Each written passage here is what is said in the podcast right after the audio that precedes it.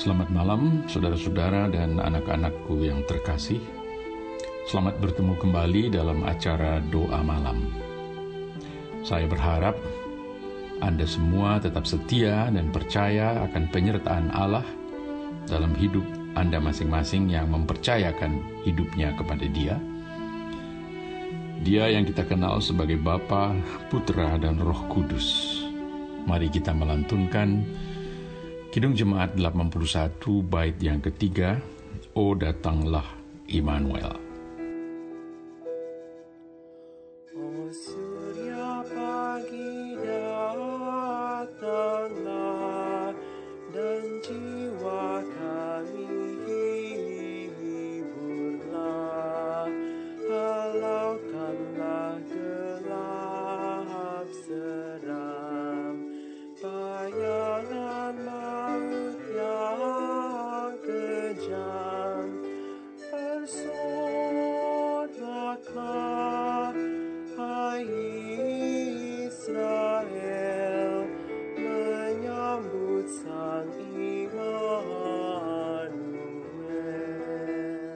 Sebelum membaca Alkitab dan merenungkan maknanya, mari kita berdoa. Ya Allah, Tuhan kami, berdayakanlah kami dengan rohmu yang kudus, sehingga diri kami seutuhnya siap menerima, memahami serta menghayati sabdamu itu. Di dalam nama Kristus Yesus, Sabda yang telah menjadi manusia, kami naikkan doa kami ini. Amin. Bacaan lectionary untuk hari ini saya pilih dari dua Raja-Raja pasal 2 ayat 9 hingga 12a dan dilanjutkan pada ayat 19 hingga 22. Dua Raja-Raja 2 mulai ayat 9 hingga 12a sebagai berikut. Dan sesudah mereka sampai di seberang, berkatalah Elia kepada Elisa, Mintalah apa yang hendak kulakukan kepadamu sebelum aku terangkat daripadamu. Jawab Elisa, Biarlah kiranya aku mendapat dua bagian dari rohmu. Berkatalah Elia, yang kau minta itu adalah sukar. Tetapi jika engkau dapat melihat aku terangkat daripadamu, akan terjadilah kepadamu seperti yang demikian. Dan jika tidak, tidak akan terjadi.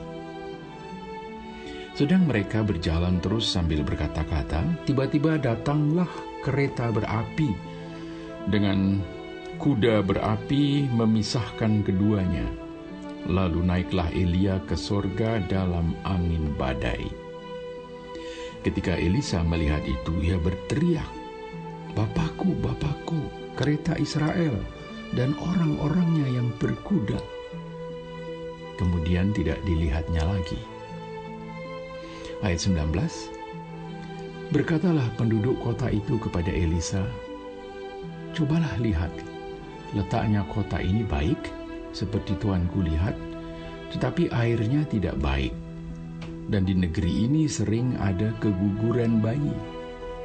Jawabnya, Ambillah sebuah pinggan baru bagiku, dan taruhlah garam ke dalamnya. Maka mereka membawa pinggan itu kepadanya, kemudian pergilah ia ke mata air mereka dan melemparkan garam itu ke dalamnya serta berkata, Beginilah firman Tuhan, telah kusehatkan air ini, maka tidak akan terjadi lagi olehnya kematian atau keguguran bayi. Demikianlah air itu menjadi sehat sampai hari ini, sesuai dengan firman yang telah disampaikan Elisa. Demikianlah sabda Tuhan bagi umat Tuhan. Saudara-saudara, saya ingin menyoroti hal menarik di sini yaitu soal meminta. Sebelum Nabi Elia terangkat sebagai tanda akhir tugasnya, dia berbicara kepada Elisa, seorang muda yang telah terpilih untuk menggantikannya sebagai nabi bagi umat Allah pada masa itu. Berkatalah Elia kepada Elisa, "Mintalah apa yang kau apa yang ingin kulakukan untukmu sebelum aku terangkat ke sorga." Dan Elisa meminta kepada Elia dengan sungguh-sungguh. Elisa meminta dua bagian dari roh Elia. Dan Elia menjawab, itu permintaan yang sukar. Tapi kalau kamu melihat aku terangkat, kamu akan mendapatnya. Dan Elisa ternyata dapat melihat pada waktu Elia terangkat ke surga. Dan Elisa juga mendapat warisan jubah Elia yang jatuh atau dijatuhkan. Lalu dua bagian dari roh Elia juga diterima oleh Elisa yaitu roh keberanian karena iman Elia kepada Allah yang sangat nyata dan roh ketaatan. Ketaatan Elia sungguh luar biasa walaupun pada saat-saat tertentu Elia nyaris putus asa menghadapi situasi pelayanannya yang sangat pelik. Khususnya ketika Elia harus berhadapan dengan raja-raja yang balelo terhadap Allah serta bangsa yang sering membangkang. Nah, kedua warisan itu, roh keberanian dan roh ketaatan, dipergunakan oleh Elisa untuk menjalankan tugasnya sebagai nabi yang meneruskan atau menggantikan Nabi Elia pendahulunya. Dan ini semua adalah dampak permintaan yang tepat bagi pelayanan Elisa. Nah, saudara-saudara, masih soal meminta. Sekarang penduduk kota Yeriko meminta dalam wujud keluhan kepada Elisa sebagai nabi yang baru untuk mengatasi masalah air kota. Wah, ini mengingatkan kita pada masalah PAM di kota-kota di Jabodetabek misalnya. Masalah air di kota itu ternyata adalah bahwa air itu sering menyebabkan keguguran bayi. Dalam pikiran modern masa kini, asosiasi kita tentulah air itu terkontaminasi atau terpolusi oleh unsur tertentu yang menyebabkan ibu-ibu yang hamil e, mengalami keguguran bayi. Dan Elisa memenuhi permintaan penduduk kota Dikatakan sampai sekarang air di Yericho tetap sehat. Ini luar biasa. Nah, soal minta ini juga mengingatkan kita kepada kisah permintaan Salomo kepada Tuhan. Kalau saudara-saudara ingin membaca, ada dalam satu Raja-Raja pasal 3, ayat 9 dan 12 misalnya. Dan pada waktu itu Tuhan berkata kepada Salomo, Mintalah apa yang hendak kuberikan kepadamu. Lalu apa yang diminta oleh Salomo dari Tuhan? Salomo berkata, Berikanlah kepada hambamu ini hati yang faham menimbang. Menimbang perkara untuk menghakimi umatmu dengan dapat membedakan antara yang baik dan yang jahat. Lalu apa jawab Tuhan? Tuhan menjawab, sesungguhnya aku memberikan kepadamu hati yang penuh hikmat dan pengertian Nah, saudara-saudara, dari kisah ini kita belajar tentang pentingnya meminta hal yang tepat. Dan permintaan itu menentukan masa depan Salomo sebagai raja. Masih soal meminta, yang terakhir saya singgung sebelum kita membahas kisah permintaan Elisa tadi. Masih ada satu lagi soal yaitu kisah Hana Hana adalah ibunda dari Samuel. Hana bertahun-tahun tidak mempunyai anak dari perkawinannya dengan Elkana, suaminya, dan selalu menjadi sasaran ejekan. Ya, kita tahu budaya Ibrani pada masa itu sangat memandang rendah perempuan yang tidak mempunyai anak, apalagi tidak mempunyai anak laki-laki. Bertahun-tahun Hana berdoa dan menangis setiap kali Hana bersama suaminya berziarah ke bait Allah di Yerusalem. Dan dalam doanya Hana meminta kepada Tuhan seorang anak laki-laki yang pada saatnya akan dipersembahkan kepada Tuhan untuk melayani Tuhan seumur hidupnya. Setelah berkali-kali dari tahun ke tahun menaikkan doa semacam itu, saudara, pada akhirnya Tuhan mendengar doanya dan memberikan kepastian kepada Hana melalui kata-kata Imam Eli. Kemudian hari Hana memenuhi janjinya kepada Tuhan dan sungguh-sungguh menyerahkan putra semata wayangnya Samuel untuk melayani Tuhan di dalam bait Allah. Kita kenal kisah Samuel. Nah, saudara-saudaraku sekalian, ternyata apa yang kita minta akan mempengaruhi hidup kita selanjutnya. Dan pada saat ini kita meminta, ya datanglah Immanuel melalui kidung, melalui nyanyian-nyanyian kita. Namun jika Sang Immanuel datang, lalu kita mau apa? Tahukah kita konsekuensi dari permintaan kita itu? Tentu saja kita bukan anak kecil yang merengek-rengek meminta sesuatu yang dia sendiri tidak paham untuk apa sesuatu itu bila permintaannya itu dikabulkan oleh orang tuanya. Melalui minggu-minggu Advent, kita perlu menantikan Tuhan. Bahkan kita berseru, ya datanglah Immanuel. Kita perlu menantikan Tuhan dengan aktif dengan aktif menjadi pewarta tentang terang yang sedang datang. Bersediakah kita menjadi penyaksi akan terang yang sedang datang itu melalui tindakan-tindakan nyata, nyata atau konkret? Dan tentunya kita berharap kepada Tuhan agar kita dimampukan untuk menjadi penyaksi akan terang yang sedang datang itu di tengah situasi masyarakat yang gelap. Mengapa gelap? Ya, gelap karena orang mengalami kepudaran pengharapan. Orang mengalami putus asa di tengah pandemi yang sedang melanda. Dan kalau kita meminta, ya datanglah Immanuel di dalam doa-doa dan pujian kita, jangan sampai pula ketika Sang Immanuel sudah hadir di antara kita, kita masih terus meminta-minta, ya datanglah Immanuel, oleh karena kita gagal paham atau tidak melihat Dia yang sudah hadir di antara kita, sehingga kita kehilangan kesempatan dan peluang di hadapan kita untuk membagikan terang itu kepada mereka yang sedang mengalami kegelapan. Amin. Mari kita bersama-sama menaikkan doa Bapa kami dalam pujian berikut.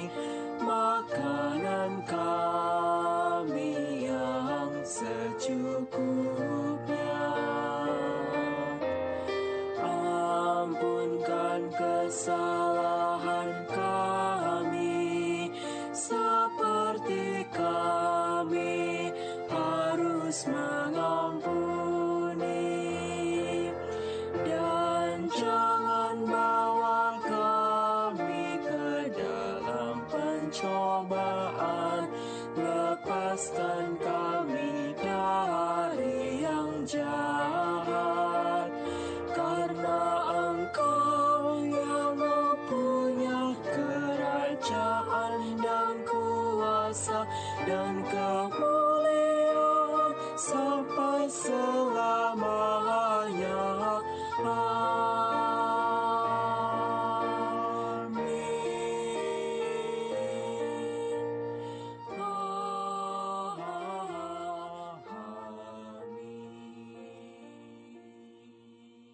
Ya Allah yang mendengarkan doa-doa dan permintaan kami, kami ingin terus belajar memahami apa yang sesungguhnya kami perlukan, serta kami mohon daripadamu. Kami ingin dapat melihat dengan jernih keadaan dan hidup kami pada saat ini, sehingga kami dapat menaikkan permintaan kepadamu yang sungguh-sungguh menjadi kebutuhan kami. Karena Engkaulah Allah kami, Allah yang maha murah, maha kasih, dan maha tahu. Pada minggu-minggu Advent ini kami berseru kepadamu, ya datanglah Immanuel. Karena kami sungguh memerlukan kehadiranmu yang berinkarnasi di tengah kenyataan hidup yang berat pada saat ini dan memberdayakan kami semua agar kami pun dapat meneruskan dayamu itu dengan memberdayakan sesama kami yang memerlukan dorongan serta topangan di kala derita.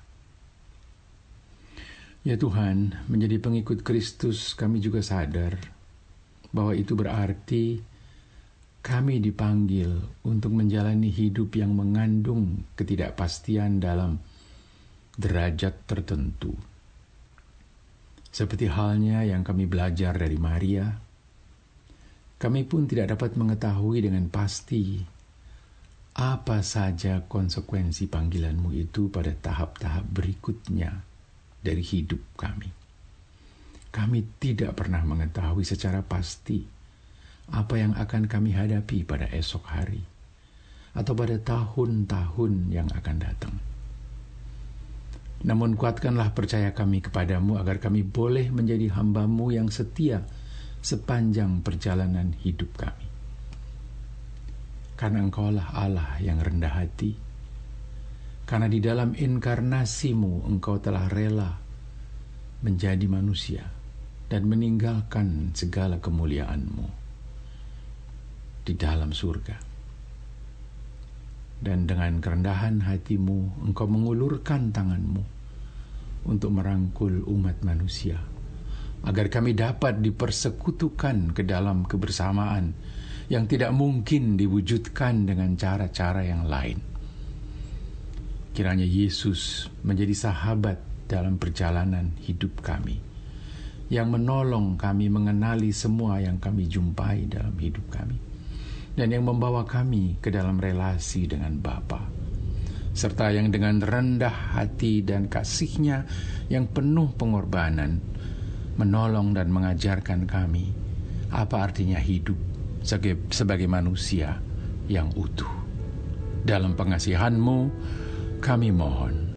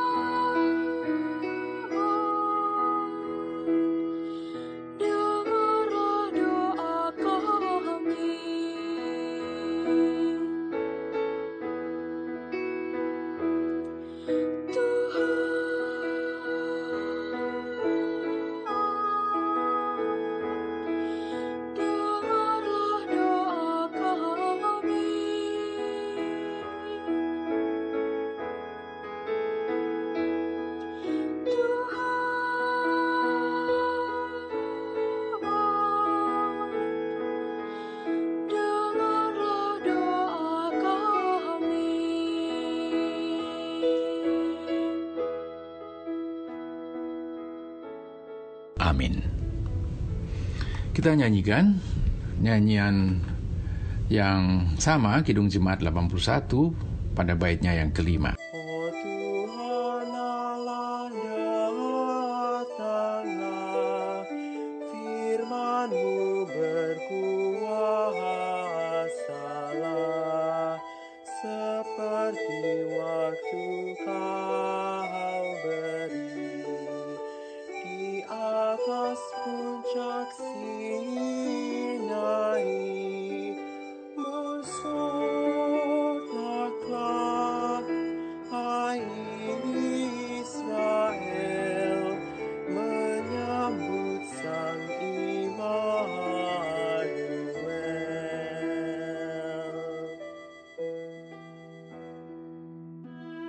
Demikianlah saudara sekalian, selamat malam kepada Anda semua. Beristirahatlah dengan sebaik-baiknya agar Anda dapat bangun pada esok hari dengan kesegaran serta semangat yang baru. Tuhan sertamu.